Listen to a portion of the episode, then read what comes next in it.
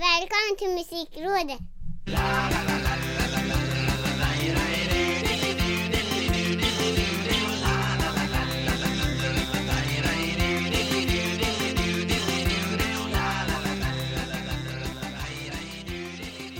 Helvete! Det var ungefär exakt vad jag eh, kände när, eh, när nyheten träffade mig i fredagskväll var det väl, eller lördagskväll Ja. Ehm, Var det samma för dig? Ja, fredagskväll. Ja, det var, det var verkligen så. Det var liksom slutet på kvällen och man gjorde en så här scrollning på telefon och så bara vad fan, nej, nej, nej, nej. Nej. Inte en till Nej, Känns det som nej. Vi pratar såklart om Hank von Helvete eller Hank von Hell Som Ja.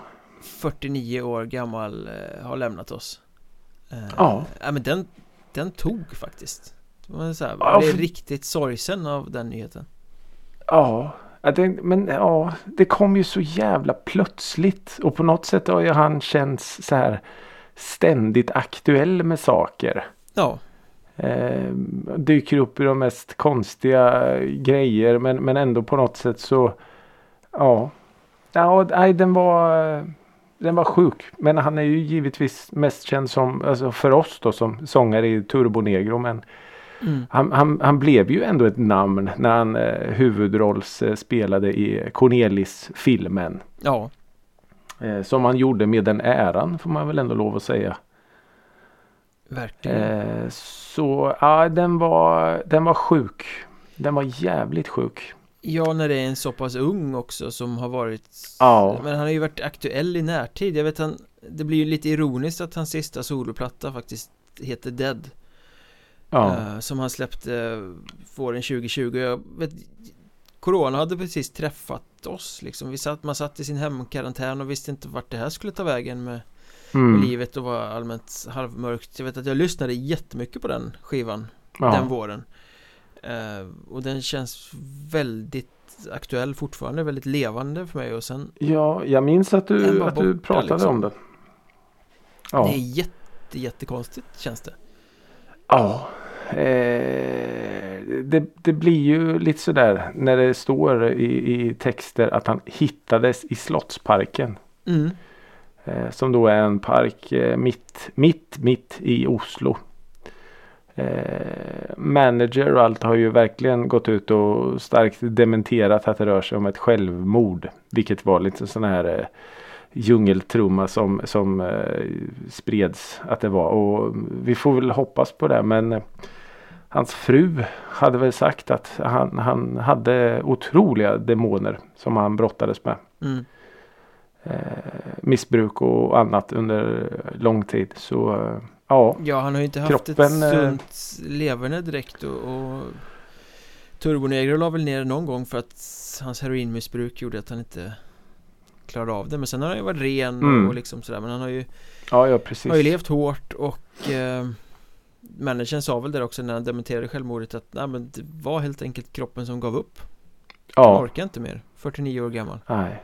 Nej, precis. Och ja, om det här kommer ju låta jättefel men man, man vill ju gärna hoppas att det var så. I så fall.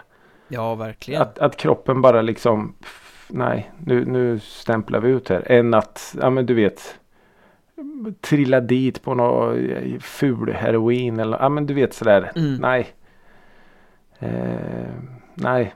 Så då på något sätt så med eftermälet och hans legacy och allt så ja. Eh, nej det känns eh, otroligt eh, jobbigt på något sätt. För alltså Turbo Negro har ju också ett sånt här band som man oavsett humör och, och stämning man själv är i så är det ett sånt här band man alltid återkommer till. Ja, alltså det har aldrig varit några husgudar för mig men, men de har ju ändå Nej, varit relevanta i soundet och liksom viktiga på det sättet att de har ju Ja, Det har ju alltid varit en väldigt, väldigt svart humor och ja, galenskap och lite en nagel i ögat på den goda smaken på något sätt ja, ja Jag menar när. Hank stoppar fyrverkerier i röven på scen liksom Ja, Eh, ja. Ja, den här eh, konserten från Oslo. Jag har ju pratat om den i, i detta medium tidigare. Den är ju helt fantastisk alltså. mm. för Spektrum i, i Oslo. Jag vet inte om de om det, det det verkar som att det har varit länge sedan de var och spelade i Oslo och så kommer de dit och så, nej det är ju helt monumentalt bra alltså. Men hur många plattor Så, var det eh, han sjöng på med Turbo Negro? Ja, vad kan det ha Måste ha varit? varit en fem, sex stycken i alla fall va? Ja, jag tänker väl upp till de här eh, eh, Nu vet jag inte vad plattorna heter men den här, eh, åh vad heter den? Ja, men han är ju väl med på de här klassiska från början med Ass Cobra och Apocalypse Dudes Ja, de är ju absolut eh, med på. Scandinavian Leather Men den här eh, Peop, vad heter den? People of Ah, ja, Det är ah, någon skiva som heter Party Animals också som eh, Ja, den tror jag också han är med på. Ja, den är han med på Eh, nu, City of, City of eh, och det var ju också en sån där grej när man bara, jaha, hoppar han av? Alltså då, man, man visste ju inte så. Det är inte en band som det inte står så mycket om heller liksom. Så helt plötsligt så bara, nu dyker det upp en ny sångare där. mm. Eh, men, Men sen tycker jag att hans ja. solokarriär efter också var väldigt relevant Ja, ja absolut. Jag, jag håller med. Så han verkar ju på något sätt ha varit en, en otrolig sån konstnärssjäl. Ja, duktig Eh, ja. Hans-Erik Dyvik Husby. Ja Ja, Rest ja, in det är för jävligt. Ja, Ja, verkligen. Hoppas att du äntligen finner ro. Ja, och tack för musiken och upptågen och eh, Ja, Allt. upptågen verkligen. Ja, jag har ju sett den live när han har stoppat upp en sån där fyrverkeripjäs i eh, rumpan. mm, Det var en upplevelse. det kan du bära med dig på näthinnan resten av eh, livet Ja, ja, varför inte? Varför inte? Men med den här lite sorgliga inledningen till det här annars ganska svulstiga avsnittet För det är ju avsnitt Mm. 80 Vi ska prata Det är. 80-talet Eh, Mm. Men innan vi gör det så vill jag ändå ställa den här eh, vanliga frågan som har blivit Ja. en kär följeslagare sedan avsnitt nummer ett Vad har Ricky Holmqvist lyssnat på den senaste tiden? Alltså, är det åttionde gången du frågar det? Det är ju faktiskt det Ja, det är ju helt sjukt. Eh, och I alla fall Ja. on mic, jag kan ha frågat det kanske två gånger även i, i vanliga livet som civil. Ja, Eh, nej men jag, jag pratade ju förra veckan om att eh, A36 eh, äntligen hade släppt sin, eh, sin platta Area 36. Yes. Eh, och den har jag ju lyssnat eh, en del på. Och jag lyfte ju några låtar förra veckan. Men det känns som att jag liksom på något sätt glömde en låt. Du är inte klar med A36? Ja, jag är inte klar med A36. Och att jag glömde den här är ju egentligen helt stört. För att det är en låt, den första låten som kort och gott heter Intro. Ja, det är sånt som Och man brukar klicka här- bort i vanliga fall Ja men eller hur, det brukar vara någon så här instrumental 30 sekunder eh, så. Men det här är liksom en, en låt verkligen.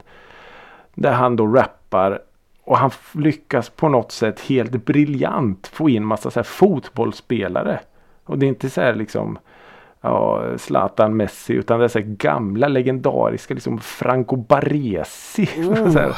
Oj, oj, oj 80-tals Hård back va? Ja precis. Och alltså Varför kan jag cred sånt? till sjukt Ja. Ja, jag vet. Nej, men att han, han eh, gör det på ett otroligt snyggt sätt. Så, ehm, så den låten har jag ju, blev så här. "Off, Det här är ju, den är ju där uppe i klass med samma gamla vanliga och Motorola de här. Så ja, det är en sjukt bra Får låt. han in de här sköna tyskarna, Andreas Breme och Thomas Hessler och allt vad de hette? Nej, tyvärr inte. För lite tyskt dess- i A36 alltså Nej, det är väldigt lite tyskt i eh, introlåten. Det är mest eh, italienskt och eh, latinskt skulle vi kunna säga. ja, Vill man lyssna på tyskt eh, hiphop då får man ta Daniel Gunn Ja. Han kanske har någon eh, fotbollsrelaterad låt. Får leta efter det Ja, precis. Eh, och sen har ju jag också nämnt. Eh, jag, jag tycks ha fått det här lite om bakfoten faktiskt. För att eh, jag har ju pratat om Bruno Mars. Ja, den plattan blev Och- sågad i någon recension nu såg jag De Ja, spexar eh, bort det, stod det Ja, men precis. Jag har ju på något sätt trott att det är Bruno Mars som har gjort de här souliga eh, hyllningslåtarna eller vad man ska kalla det för. Och, och jag har ju verkligen hyllat det för jag tycker att det är så sjukt eh, slickt eh, sound på skivan. Mm. Men det har ju då visat sig nu och har jag, har jag ju lärt mig att det är ju då en, en, en grupp, det är ett samarbete mellan, medan, med, mellan herregud vad trött jag. Mellan Bruno Mars och eh, Anderson Pack. Ja, men det tror du som nämnde. Då har, ja, det kanske jag gjorde. Jag trodde först att det bara var så här att någon gästade någon. Men de har ju då en grupp som heter Silk Sonic. Ah, eh, okay. Och nu har ju då deras platta kommit som heter An Evening with Silk Sonic. Eh, och visst, jag kan hålla med. Alltså soundet är ju sådär som jag har pratat om. Väldigt Motown och det är liksom som en hyllning, en hommage till de här föregångarna. Och, eh, så. så på så sätt är det sjukt snyggt gjort. Sen kan jag hålla med den här recensionen att det blir lite så här, Det fjantas bort lite textmässigt emellanåt. Ja, mm. absolut det gör det. Eh, men ändå så tycker jag att de kommer undan med det tack vare musiken. För den är så sjukt snygg och den är så smooth och den är ja, generande vacker. Eh, och så, då finns det ju en låt som heter Put on a smile. Eh, som då handlar lite om eh, nästan lite i stil med eh, den här eh, Nej, nu har jag glömt bort vad han heter. Men just det här att, att uh, hålla upp uh, ett leende när man är lite uh, heartbroken. Mm. För, och den liksom, känns... Håll, inte tappa ansiktet eller vad ska man säga? Nej precis. Eh, vad tänkte jag på då? Mm, Tracks of My Tears med eh, Smokey Robinson. Det här lite att du ser mig på festen och jag är mm. festens mittpunkt. Men om du bara såg liksom, innerst inne, precis. Och det är väl egentligen den låten, den här Put on a smile, som egentligen är den riktiga, ärliga, riktigt, riktigt nakna låten. Ja. Sen är det ett schysst smooth sound men som det liksom ja, glimten i ögat då. Mm.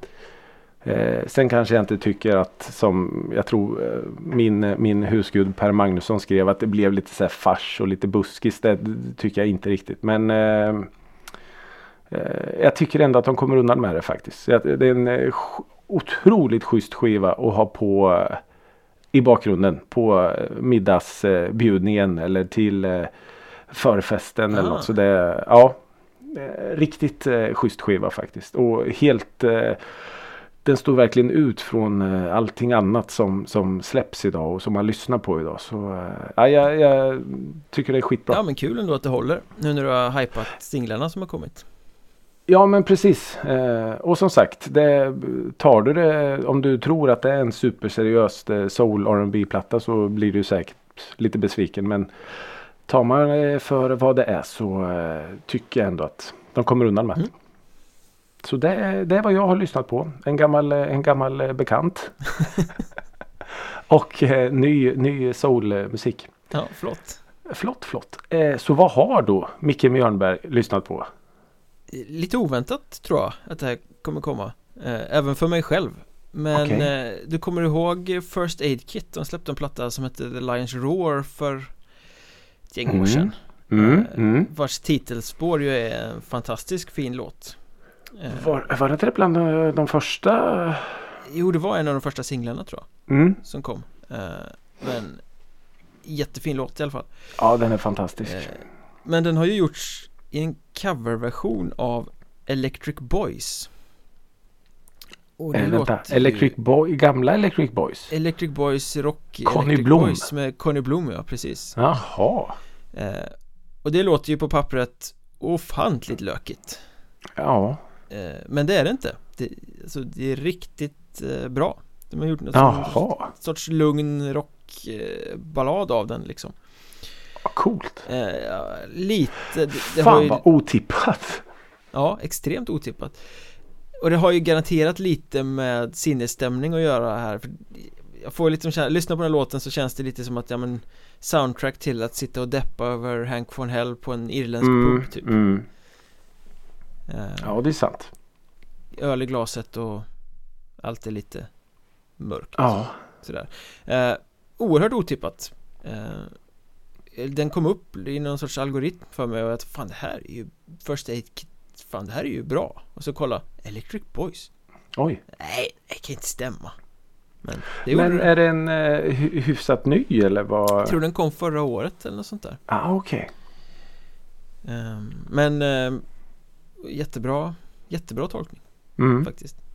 Ja, vad coolt. Den var riktigt otippad. Så är det. Eh, och sen har jag också lyssnat på Spider-God Vilket ju är ett Oj. helt fantastiskt bra bandnamn eh, Ja. Stavas alltså Spider G-A-W-D Spider-God Spider God. En låt som heter Is This Love eh, Och det här är ju normen Det kommer den här min lilla fäbless för normen in igen Ja, visst. eh, och norsk rockmusik För det här är ju liksom rak Egentligen Spider-God Om man tittar i deras diskografi så är de kanske lite svårtillgängliga och lite krångliga och invecklade sådär ibland Mm. kan jag tycka eh, Men det här är mer en rak jävla hitlåt bara eh, Supersnyggt Coolt.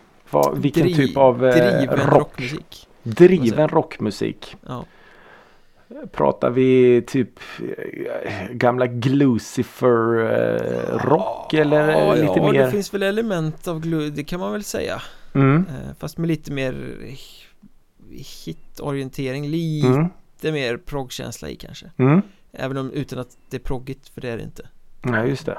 Men det är lite mustigare än om du säger Backyard Babies eller någonting Ja, okej. Mm. Eh. Men eh, Vad sjukt Grym. när du säger Backyard Babies och att jag skrattade för i mitt huvud så blev det Backstreet Boys. ja, det är betydligt mer mustigt än Backstreet Boys Ja, det förstår jag. Jag tänkte, vad fan menar han med Backstreet Boys? Backyard Boys Man kan göra mycket roligt Backyard dem Boys. Backyard Babies. Mm. eh, Men den låten och alla andra låtar vi pratar om finns ju givetvis i spellistan som ni hittar i i, i, i avsnittsbeskrivningen Avsnittsbeskrivning heter det. Så är det eh, Men vi firar ju 80 avsnitt och vad Fy fan, är Passar- det 80 avsnitt? Mm. bättre när man firar 80 avsnitt än att prata om 80-talet Ja. 80-talet! 80-talet. Nej, vi ska Mm. inte prata om Pontiac och hans melodi Nej, 80-talet. det ska vi absolut inte göra. Utan vi ska väl ta med er på en liten personlig eh, vandring genom 80-talet Ja. Och dess musik Vad vi, liksom vad den har gjort med oss eller vad, hur den påverkar oss Vad vi har lyssnat Ja. på därifrån eh, Ja, men, re, men rent generellt innan vi kommer in på det här liksom mer personliga eh, Vad tänker du på 80-talet? Mer än, alltså min När vi började prata om att ta upp 80-talet så min association direkt utan att veta varför. Men från ryggmärgen så kommer det ju olyssningsbara syntproduktioner. Är liksom Ja. min take på 80-talet, min etikett på 80-talet Ja men lite så. Och precis som du så blir det lite så här att när jag hör 80-talet eller 80-talsmusik så allting som låter som typ modern talking Ja, är, är så otroligt 80-tal för mig. Och sen har det också att göra med att allting är så otroligt överdrivet. ja det är väldigt svulstigt och Ja, sådär. trummorna mixade till max, syntarna till max, frisyren till max, sminket till max. Eh, Allt, allt skulle vara så överdådigt. Ja, och just det där att det producerades så, det är väl det jag alltid syftar till det här med olyssningsbara syntproduktioner att Mm. Det mycket av musiken som ju var bra är ju så extremt daterad för att den producerades så hårt Ja, på ett sätt som Ja. inte gjordes på 90-talet eller 00-talet eller 70-talet om man backar De Nej. produktionerna lever ju mycket mer eh, tidlöst om man säger så. ja. Jo men så är det ju och det var väl lite det om, om jag får börja öppna den dörren lite. Att det var lite där min inkörsport till vad jag tänkte prata idag om att 80-talet och 80-talsmusiken på något sätt prövade sig fram. Ja, För det kom ju så otroligt mycket nya grejer och det var syntar. Visst det hade ju funnits innan men det skulle prövas med syntar och, och massa nya effekter och grejer och studio och allt sånt här. Och det handlar ju liksom om att, att pröva sig fram. Det var ingen som egentligen fattade vad de gjorde. Utan det skulle liksom bara in med effekter och det här kan vi fixa och det där lägger vi eko på. Alltså allting skulle liksom det, fan, det var inte snack om någon minimalism inte utan det skulle vara så ljudet skulle vara så stort och allting som möjligt. Men det var liksom mm. ingen som fattade hur man skulle få till det där stora ljudet. Utan man bara trodde att det var skjut upp reglagen bara. Och det Reverb! Väl, ja men lite så. Och det var väl det på något sätt som 80-talet. Alltså, och sen ju längre tid det gick så, så börjar man bemästra det här. Visst vi kan skruva upp alla reglage. Mm. Men vi behöver fixa det här på sidan om också. Ja. Eh, så det var lite så jag tänkte att 80-talet på något sätt visa vad som kunde bli bättre. Men på det sättet så var det ju också Det var ganska kanske självupptaget, jag vet inte Men det var ju också lekfullt Jo men det var det ju eh, På ett annat sätt än vad det är idag definitivt för att Det var väl egentligen på 80-talet de här Alltså riktiga Alltså stjärnorna Alltså du vet det började med eh, ungdomstidningar och, och, och det här sättet liksom. Och då, då kunde man väl vara lite skojig sådär. Mm. Eh, alltså jag vet inte hur gammal den här Okej-tidningen är men det känns ju som typiskt en sån sak som kom på 80-talet. Ja det är nog mycket möjligt. Det har jag faktiskt dålig koll på. Det var någon tysk Hans någonting. Som drev den i Sverige. Var det inte han Tegnér? Jo, han var redaktör men ägaren som drog igång den Ja, ägaren! Hans uh, Hartvig eller något sånt där Ja, okej okay. Ja, ja, ja Ja men 80-talet hade Så här när man blickar tillbaka nu så Det är ju ganska många sådana här svulstiga dunderhits eh, mm. Som man fort, som fortfarande mals i radio och som fortfarande kommer på fester Jag menar mm. Forever Young med Alphaville Ja, ja, ja Total Eclipse of the Heart med Bonnie Tyler oh. Karma Chameleon med Culture Club Mm. Eh, vad har vi mer? Girl Just Wanna Have Fun med Cyndi Lauper Ja alltså, Det är ju ändå låtar som har överlevt trots de här produktionsmots... Eh... Ja absolut och det är ju precis som du är inne på Jag hade exakt samma fast en liten annan take att de här 80-talsstjärnorna på något sätt lyckas hålla sig kanske inte aktuella på något sätt men att de fortfarande håller liksom någon slags glöd. Mm. Eh, så jag vet inte vad det var med 80-talet. Att, att de jag kommer att komma in på det lite senare sen men att jag vet inte att 80-talet på något sätt innehöll lite mer magi och, och, lite sånt att just låtar och stjärnor faktiskt än idag känns relevanta. Jag ja. vet inte, jag, jag, kan absolut inte svara på varför. Men jag men, menar kanske mer 90-talsartister har glömts bort då menar du? Eller? Ja, att, att 90-talet kanske mer bestod, eh, bestod i att för det var väl då det började komma lite mer det här att man lyssnade på ett annat sätt. Kanske inte mm. tidigt 90-tal men att, att 80-talsstjärnorna blev så pass stora på något sätt. Alltså hade du en hit då, då blev du stor. Och det kanske ja. räckte med en, två hitsinglar. För att bli riktigt, riktigt stor och leva kvar idag. Jag menar ta en sån där som eh, han som gick bort, Nick eh, Kershaw. Ja, I promise som myself. Vi, Nej, precis. Det, var Nick, det var Nick Cayman. Nick Cayman, precis. Nick Cayman som gick bort. Vad hade han då? Han hade typ en eller två låtar. Och jag menar de hör ju fortfarande idag på, på radion om du lyssnar på någon sån här. Det kan ju i och för sig vara P4 eller någon av de här som spelar lite allt möjligt. Ja men det med brottarhitsen hänger ju kvar. Mm, absolut. Och det är ju mer 80-talshits som lever kvar än vad det är 90-talshits. Känns det som. Jag kanske är helt ute och cyklar. Ja men jag kan nog skriva under på den. Eh, men sen har du 90-talet, du har mer strömningar och rörelse där kanske. Ja. Du har grungen, du har eurodiscon, ja, ja, du har liksom eh, Jo men så är det. Det kanske det hände ju mer med musiken på 90-talet definitivt. Och då kanske det gör att att man inte fick samma spridning på sin musik i och med att det var fler personer som lyssnade på fler saker. Ja. ja men, eh, där kanske vi är något på spåren. Ja. Där har du Snillen spekulerar, där har vi det. Ja, det är ju egentligen underrubriken på varje avsnitt vi har. Men jag började liksom fundera runt 80-talet här också liksom, vad, vad ska jag lyfta för vinklar på det här då? Vad har jag Mm. för Från början så tänkte jag liksom att nej men vad fan Jag lyssnar inte på någon 80-talsmusik det, jag, jag är ju född 82 Så jag var ju inte jättemycket inne i musiken från 80-talet Nej. Förrän kanske precis i slutet Så att all form av lyssning har ju skett retrospektivt För min Mm. del Och det, därför har jag mycket mer känslor för musik från 90-talet Ja, till precis. exempel Tänkte jag Mm. när vi skulle börja med det här ämnet Jaha. Det blir svårt att skrapa ihop 80-talspunkter här alltså Tänkte du? Ja, sen började Mhm. jag och sen blev det ju en Kill Your Darlings process utan dess like för att Ja. jag lyssnar uppenbarligen på väldigt mycket 80-talsmusik Eh, Ja, det kanske man gör. Och det finns några plattor som jag väljer bort och inte prata om här Mm. idag eh, För Mm. att jag tycker att vi har pratat om dem tidigare och sådär Till exempel Jakob Hellmans och Stora havet eh, Ja, 89. Han hade, han hade inte jag ens en tanke på. Aj, det har du ju helt rätt. Hur många gånger har man inte lyssnat på den? Nej, Roxette Look Sharp Mm. eh, Som vi väl till och med hade i en skivcirkel Mm. 1988 Ja. Ehm, Och eh, jag vet att jag har pratat om Kraftwerks Electric Café Som är en Mm, helt underbar just det. skiva som kom 86 Mm. Eh, Ja. Men de har vi pratat om så att jag tänker att eh, de får vara Mm.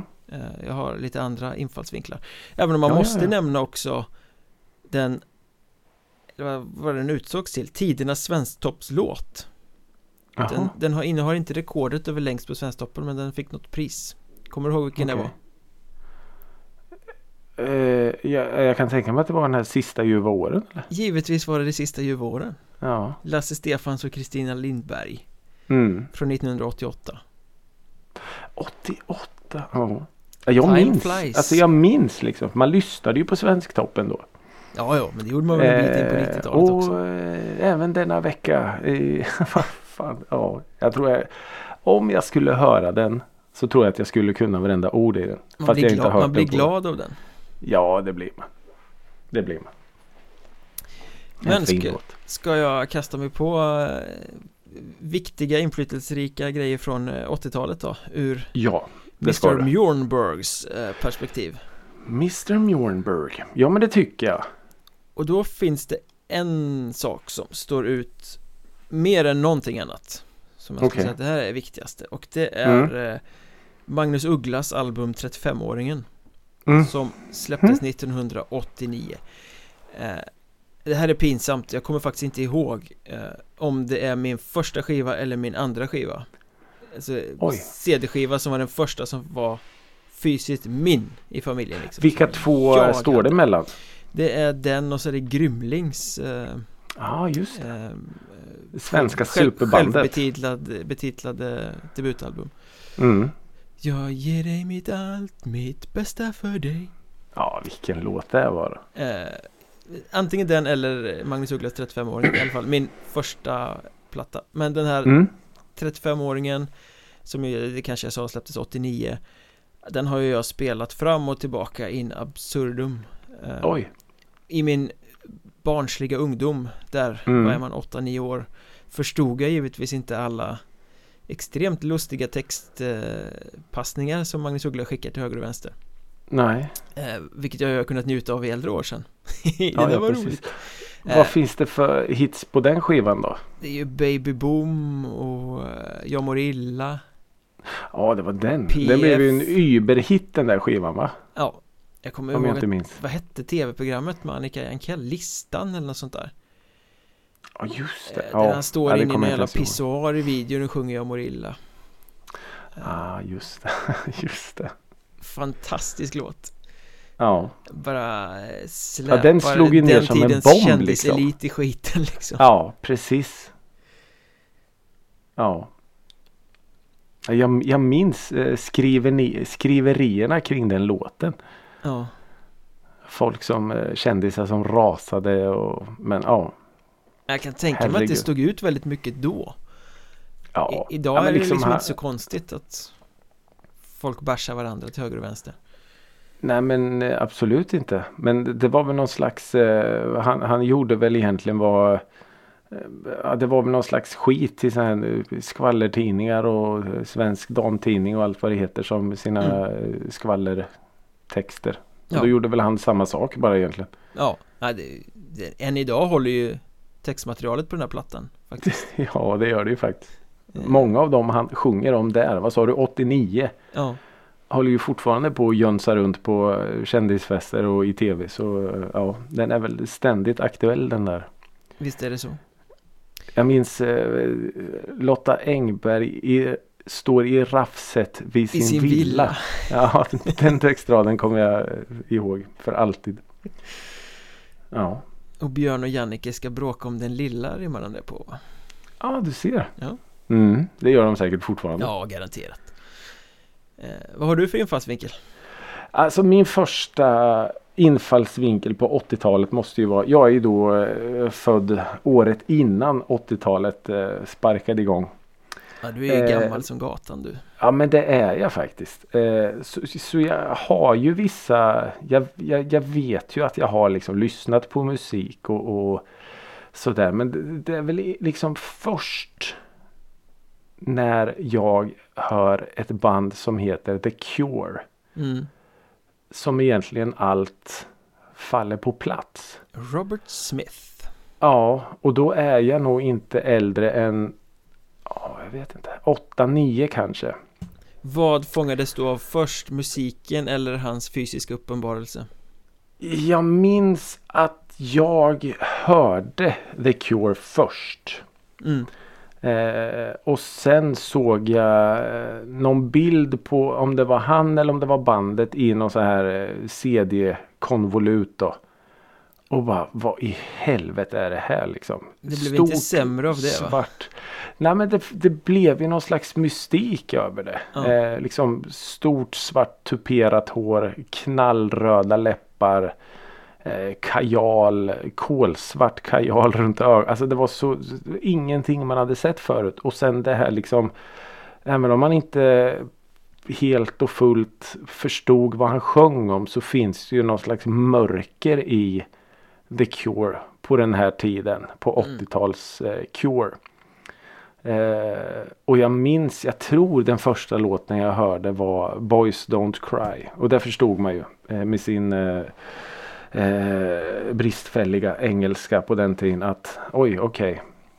Och sen då när man hör eh, låten att att det handlar ju om någon slags relation och, ja, men, och jag minns att jag föll direkt.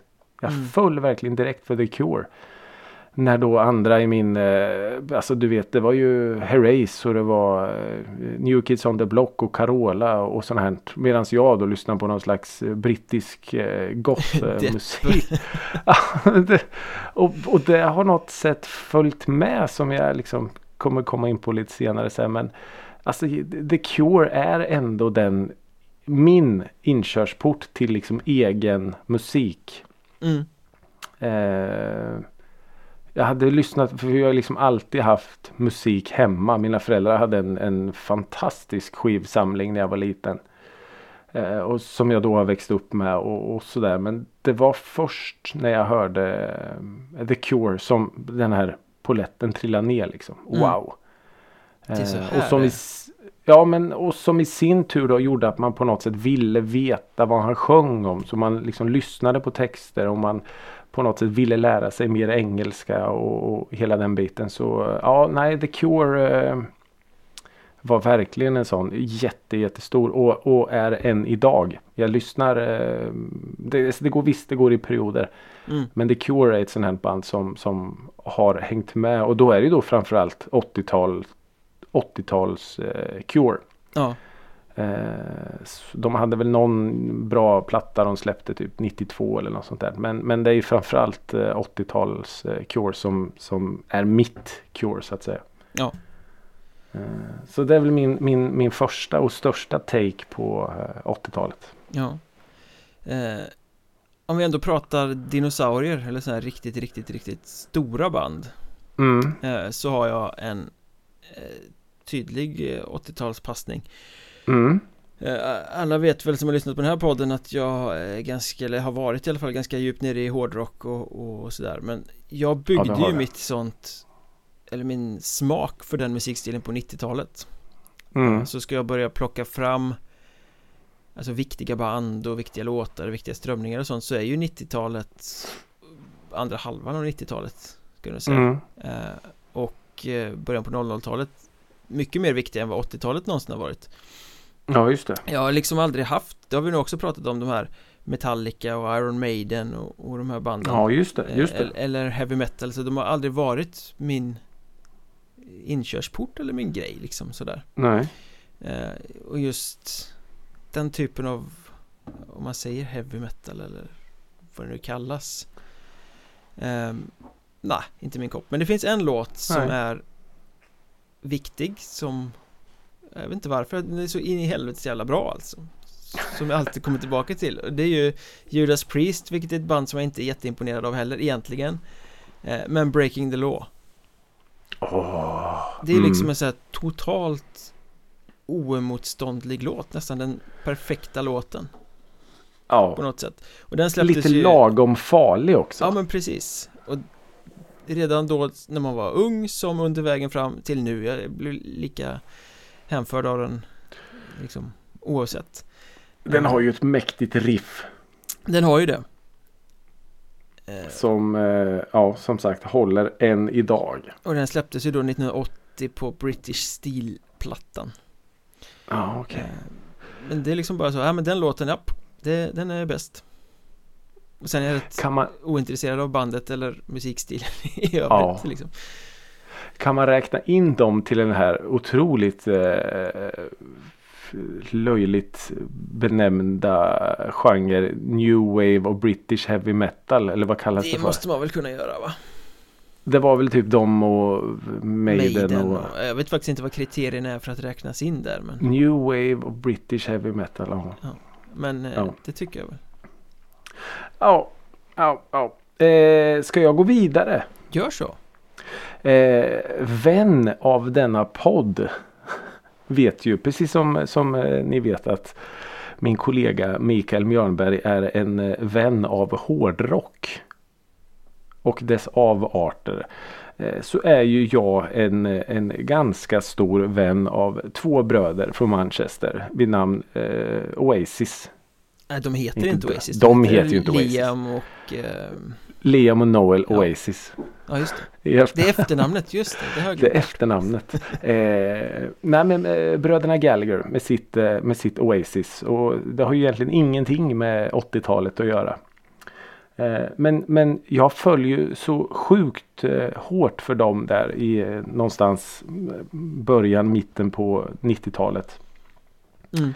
Eh, och de, eh, vad jag gillade med dem var ju att de på något sätt berättade lite vart de kom ifrån.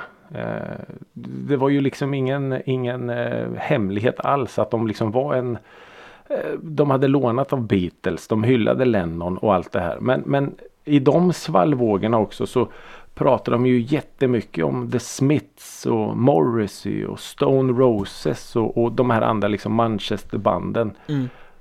Så då fick jag liksom upp ögonen för dem. Visst, jag hade hört eh, Smiths innan och jag hade hört Stone Roses innan. Men det blev lite som när, när Noel och Liam sa det. Att Ja, det blev så här, det. ja, Det var en kvalitetsstämpel liksom, det var godkänt men lite så snarare än att eh, snubben på skivbutiken för det vet jag också att sådär, man kunde prata med musik på den tiden i en skivbutik liksom. mm. Eh, så jag vet att jag hade lyssnat mycket på, på typ Smiths och sånt. Men, men just när de säger det så precis som du säger att det blir en kvalitetsstämpel. Eh, och det här är ju då på den tiden när man eh, faktiskt kunde börja ladda ner saker. Så jag minns att jag laddade ner typ eh, Smiths och Stone Roses och sånt. Och bara fy fan det här är ju det här är ju så jävla bra. Och sen så gick man och köpte skivorna då så eh, och där är vi ju då här kommer ju min take på det. Att där är jag än idag och kan lyssna på Stone Roses debutplatta från 89. Mm. Eller Smiths skivor från liksom tidigt 80-tal. Och det är ju så, det är ju verkligen sån musik som håller än idag. Som är så här eh, banbrytande för mig.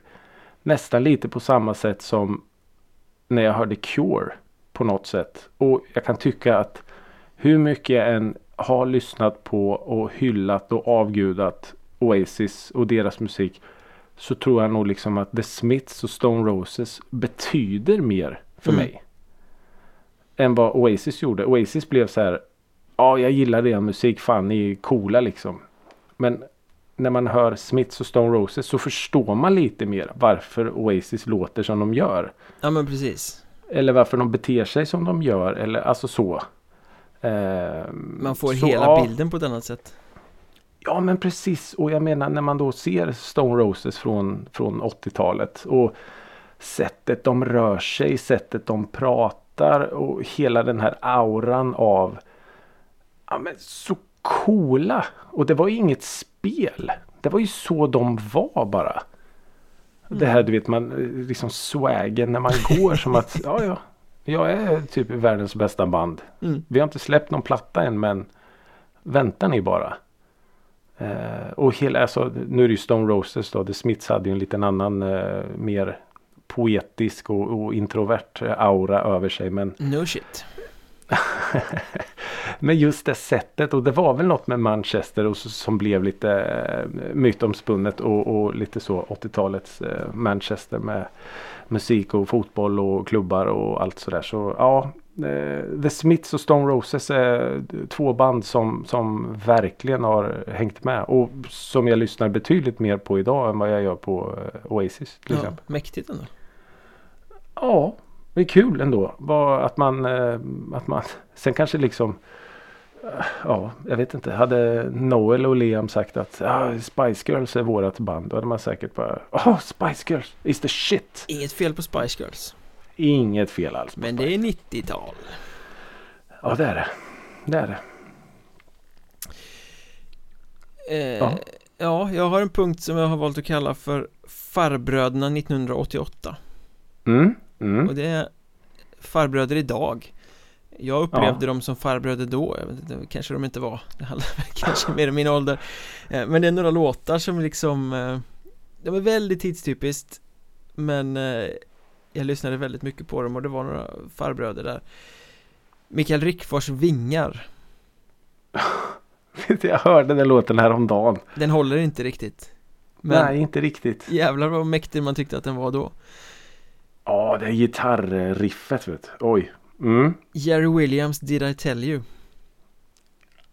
Den håller idag. Den håller definitivt idag Jag Mm. kommer ihåg hur monumentalt häftig jag tyckte den var Han står där Ja. i byggnadsställningen i videon och håller sig för örat och sjunger Det är Ja. Did I tell you? Ooh. Men vad som var roligt är att sådana som du och jag Som inte är upptäck- målgruppen Alltså som inte kanske var den målgruppen men som upptäckte Jerry Williams då. Ja, Och inte tänkte på att han hade haft en karriär 30 år innan typ liksom. nej nej för mig 20 börjar ju hans karriär där Ja. Men jag menar våra föräldrar liksom- visste ju mycket väl vem Jerry Williams var. Det är det klart att de gjorde Ja. Men för oss, ah cool. Det är hans, alltså så att man upptäcker han där. mm. Eh, ja, nej, det, den håller ju definitivt idag.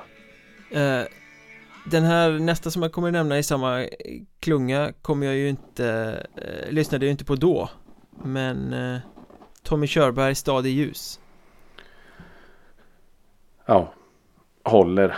Håller Mm. Mäktig låt fortfarande Det Mm. är sån här som kommer fram på efterfester och förfester och i alla möjliga sammanhang Hade inte ni den såna jävla eh, festival-anthem en gång i tiden? Nej, det var eh, Loa Falkman symfonin Ja, så var det ja. 92 Ja, det- kom näst- sist i näst- Melodifestivalen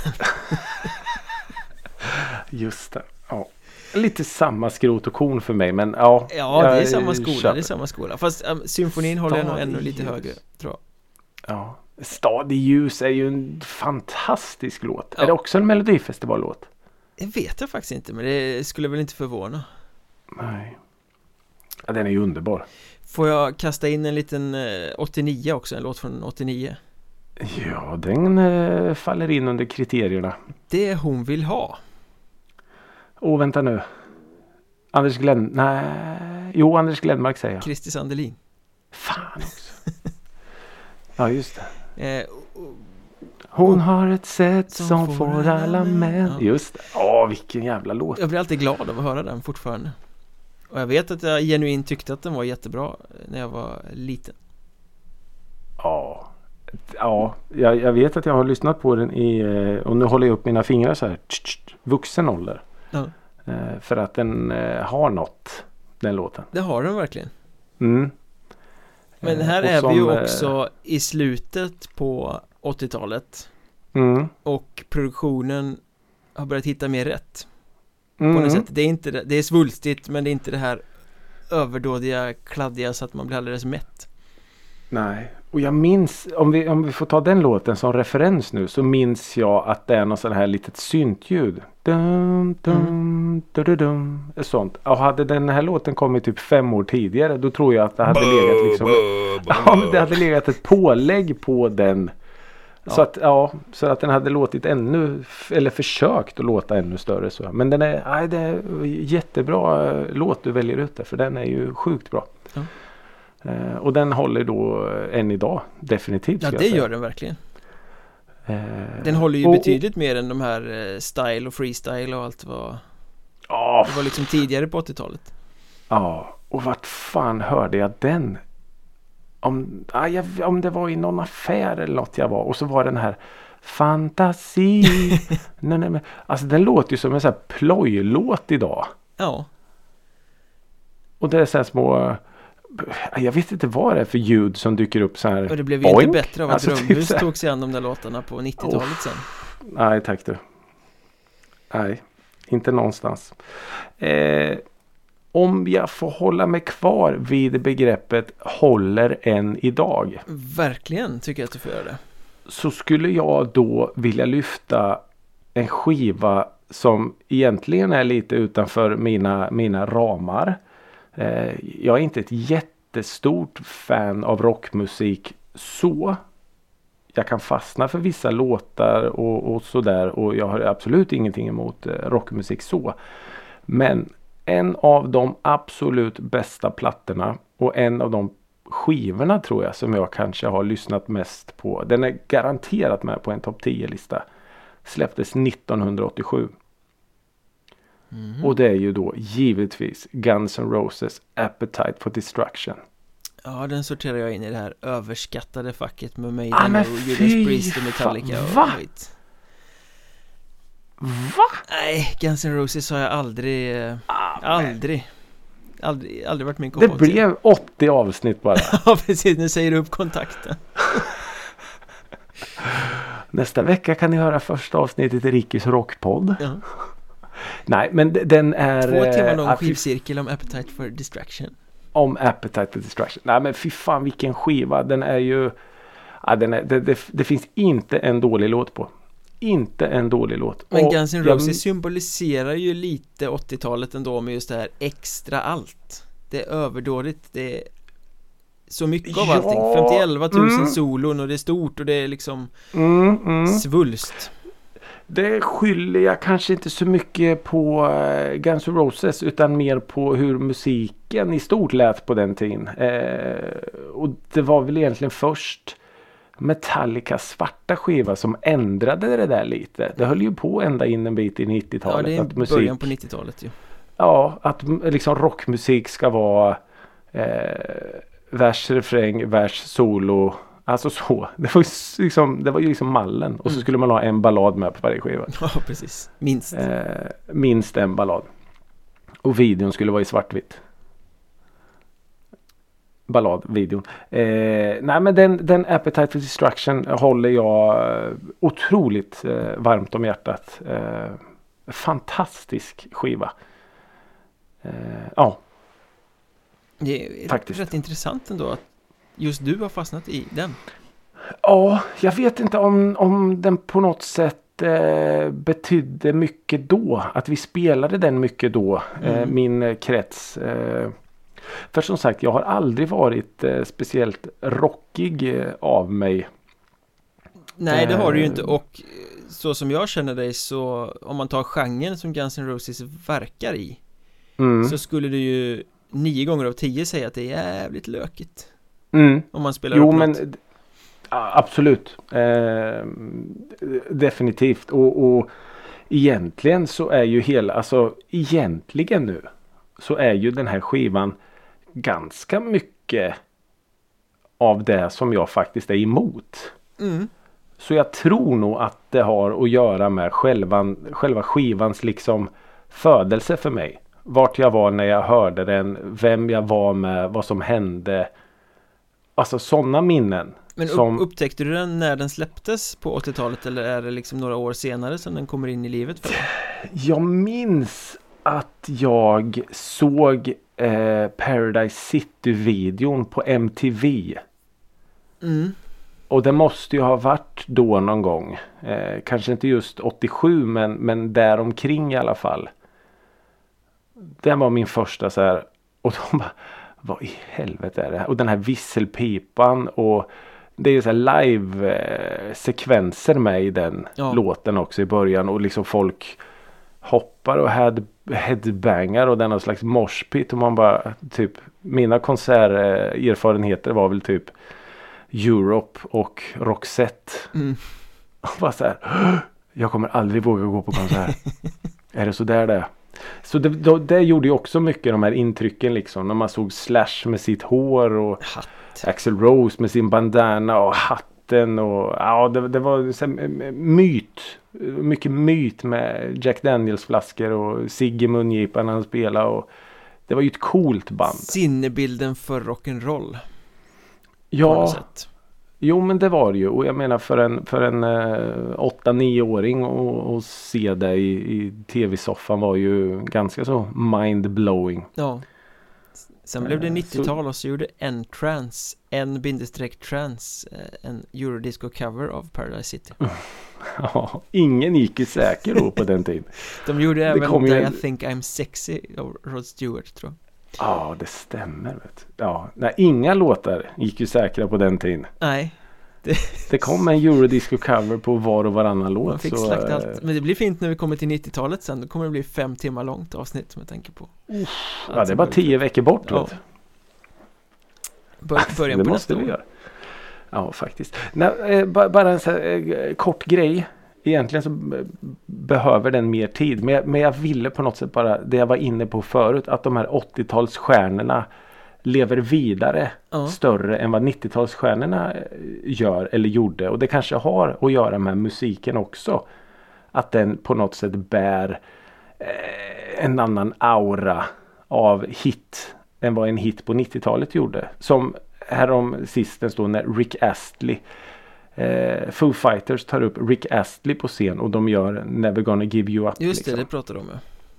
Eh, och, och jag menar här i Sverige tycks vi ju ha någon slags fetisch för åt, våra 80-talsstjärnor.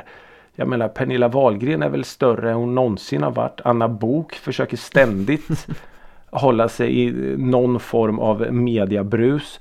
Eh, Tittar man på de här eh, nöjesprogrammen som är där man ska lalla och sjunga i tv så är det ju minst en 80-talsstjärna varje vecka. Och Lena PH har väl på något sätt aldrig försvunnit från rampljuset. Eh, Orup, Strömstedt, Glenmark eh, ständigt aktuella. Mm. Eh, så jag menar det, det, det, det tycks ju vara någonting. Blev du stor på 80-talet så har du på något sätt en fribiljett till någonting än idag. Blev Mauro Scocco stor på sin eh, första platta? Med Sara och det där Ja fast han, han hade ju ändå gjort sig ett namn innan med Ratata Ratata. Så han, är också eh, 80-tal. och det är, ju, det är ju definitivt 80-tal. Så eh, ja, han, man kan ju säga att han gjorde sig ett namn på 80-talet. Han levde ju en bra bit in på 90-talet så men eh, Ja, han lever ju än idag. Jo jo eh, men som vital karriär och sådär Ja absolut. Men, Oh, men han gjorde ju mycket på 90-talet men För mig så är han liksom lite 80-tals Jag förknippar honom med 80-talet Förmodligen Ja. på grund av produktionerna skulle jag tro Ja, ja, ja, absolut. Och jag menar som du nämnde Jakob Hellman.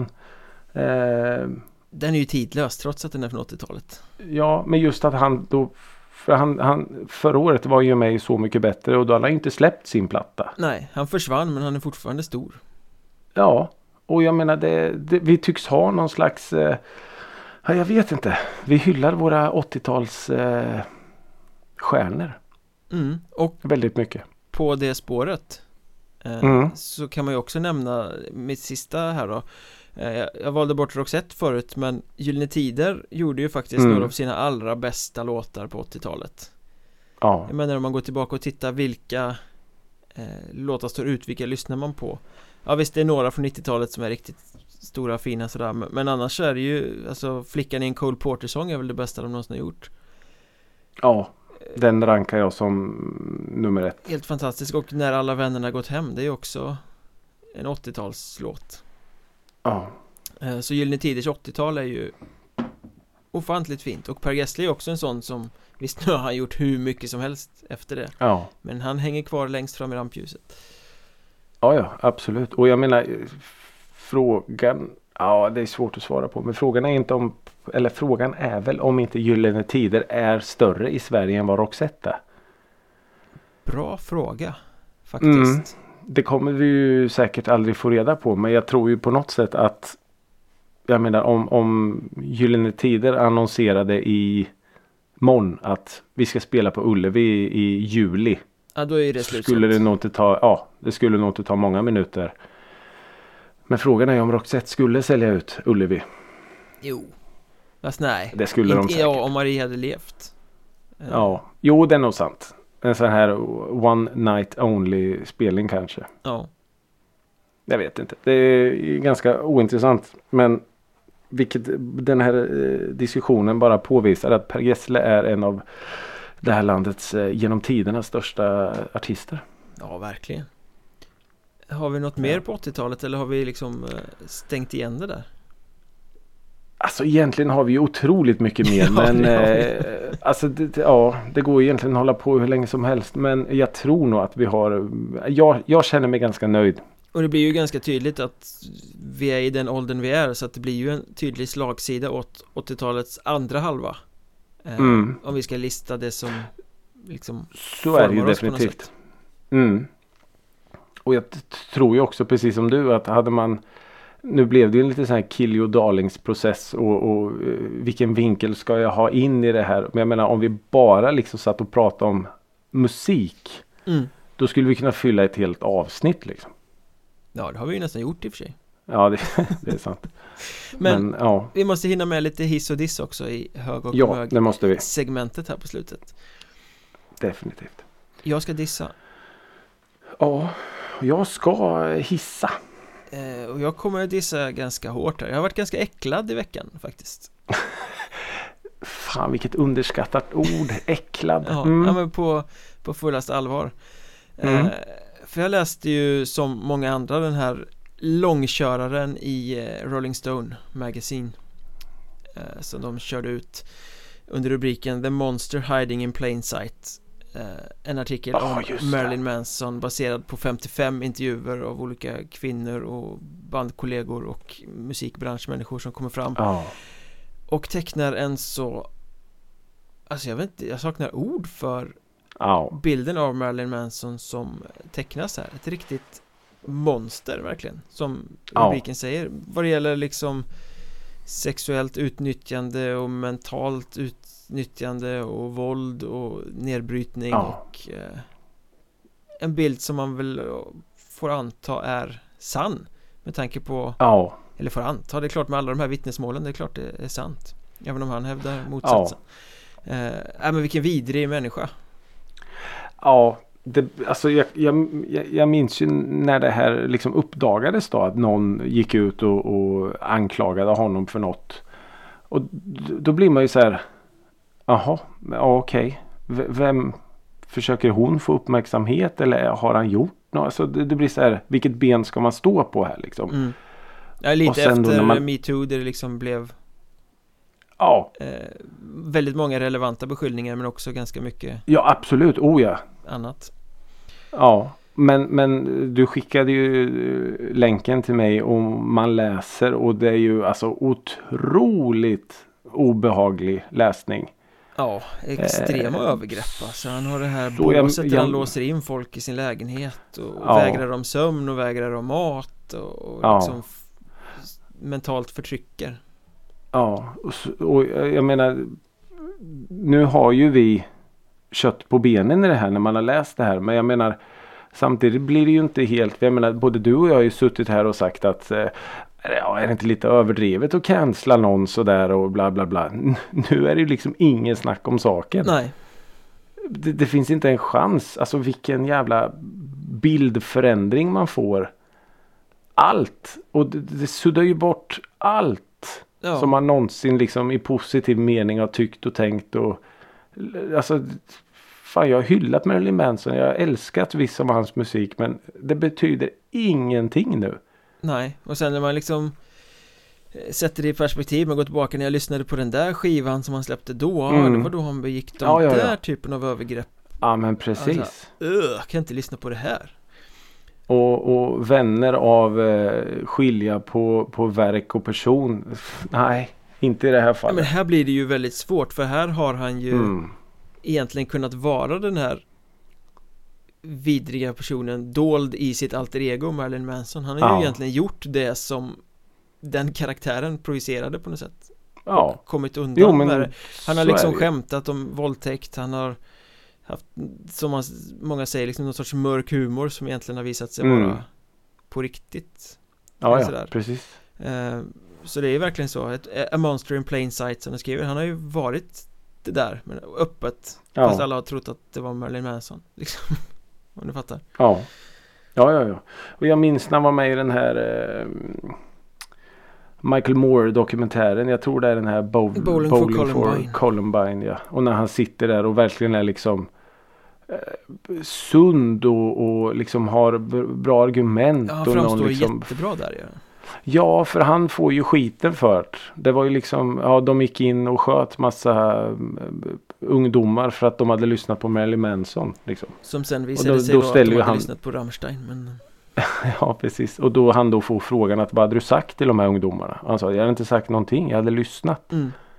Och då blir man så här, ja, fan du verkar ganska klok ändå. Ja men verkligen Eh, och visst, det kanske han är på ett sätt. Men, men som sagt, det betyder ju inte ett dugg. Samtidigt väldigt mörk och eh, dysfunktionell och farlig liksom Ja, eh, Så Ja, eh, otroligt farlig. dissen i det här avsnittet är jag dissar Marilyn Manson Det är liksom eh, Ja, det gör du Han är helt. cancellad från och med nu och har ni inte läst den här artikeln så rekommenderar jag att göra det Det är skräckfylld läsning men eh, ofantligt bra läsning Jätteväl genomförd journalistik De jobbade i nio månader på den där Ja. artikeln Eller sju månader, sju Ja. nio månader eh, Ja. Rolling Stone, det är bara att söka Rolling Stone Marilyn Manson så får ni upp den Ja. Ja, det var, det var det är, det obehagligt men eh, läsvärt. Då slutar vi på lite positiv not va? Ja men det tycker jag. Ja eller ja. Jo det är det Du ju ska såklart. hissa! Men Du ska hissa! Ja jag, jag vet men det blir en ganska konstig hiss. Du ska hissa Marilyn Eh. Manson nej. Jo, jag tyckte att det här var ganska, nej Att han vågar leva ut sina drömmar. Nej absolut inte. Eh, nej det här lät, Jag hade en hiss. Men så när jag sitter idag och scrollar på Instagram. Så dök det upp eh, en, en artikel. Som jag, eller vad man nu ska säga, ett inlägg. Eh, det är då alltså No Fun At All och Satanic Surfers som ska göra en gemensam Europaturné. Ja, de här gamla punkrockarna Ja, precis. Men liksom skate-rockarna. mm. Eller vad man ska kalla dem Ja, för. No Fun At All har jag lyssnat mycket på Ja, jag var helt eh, frälst i Satanic Surfers eh, minns jag. Eh, I alla fall. Och då går de då ut och säger att vet ni vad? Vi kan inte. Vi, vi ställer in turnén. För att det är så mycket som händer i Europa nu med covid och, och hela den här grejen nu. mm. Eh, och det är snack om vaccinpass hit och dit och vi märker att det börjar eh, hända. Det börjar öka. Smittan börjar öka på vissa ställen. Så därför kan inte vi eh, med liksom helhjärtat åka ut och ta oss igenom Europa. Och vad jag vill hissa är den insikten från banden. Ja, Att och ha den liksom självinsikten på något sätt att fan det här känns inte rätt liksom. Vi kan inte garantera säkerhet för publik. Vi kan inte garantera säkerhet för oss. Och istället då säga att nej vet ni vad vi, vi, vi, vi hoppar det här. Vi struntar det här. Och istället då och för att tänka i pengar och allt det här och shit nu har det varit nedstängt vi måste ut nu liksom. Mm. Och ändå ha, vara så pass nykter och säga att nej det, det känns inte rätt. Så vi, vi ställer in, vi är hemskt ledsna, vi hoppas att vi ses igen någon gång. Men just nu känns det inte rätt. När då vad alla tror att världen, Europa har öppnat upp igen. Nej men det verkar ju vara jäkligt shaky ute i, i vissa länder Ja Eh. faktiskt. Så, så min hiss den här veckan går sjukt nog till en inställd turné. Ja, det är Men annorlunda men det är på rätt något, ja, på något sätt så vill jag ändå liksom hylla No Fun At All och Satanic Surfers. Att man, att man har den insikten och inte bara tänker i kronor och ören. Utan faktiskt att det finns andra värden som är viktigare. Betydligt mycket viktigare. Jag såg att Eh. eh, Death Stars gjorde exakt samma sak Mm. eh, Jag visste inte att de existerade längre faktiskt Det här goth-glammiga eh, moderna metalbandet Ja, Men de hade ju någon sån här turné, fan 40-50 datum genom Europa bokat Mm. Ja, ja det var samma för de Och här. de bara, nej vi kan inte åka Nu, Mm. nu när det ser ut som det gör i Europa Ja. Ja, jag, jag tycker det, det är integritet. Otrolig integritet. Eh, och det vill jag hylla. Jag tycker det är snyggt gjort.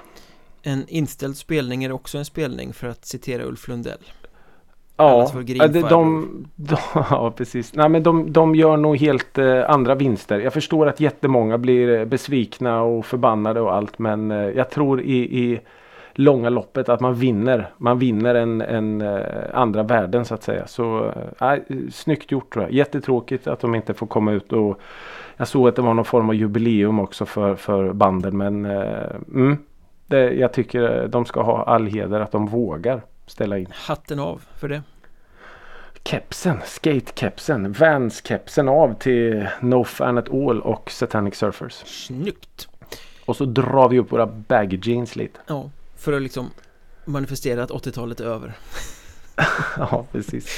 Tack för att ni har lyssnat på den här retrospektiva grävandet i gamla minnen och synder Följ oss Ja, i sociala verkligen. medier och kasta gärna era favorit 80-tals hits över oss, det vill vi gärna höra Ett musikrådet på Twitter, Facebook, Instagram och TikTok Lär oss TikTok. Kan någon lära oss TikTok? Eh, det är roligt. Helvete vad jag har fastnat för TikTok. Men eh, snälla kom med tips och tricks eh, hur vi kan göra kul content. Mm. Vi, vi, vi kan inte. Vi vet inte. Och vi är inte snygga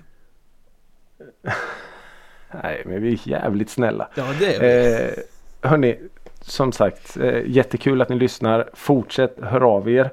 Det är alltid lika roligt när ni gör det. Fortsätt sprid den här musikrådet gospeln och eh, följ oss i sociala medier så hörs vi. Till nästa vecka, ha det så bra. Hej då!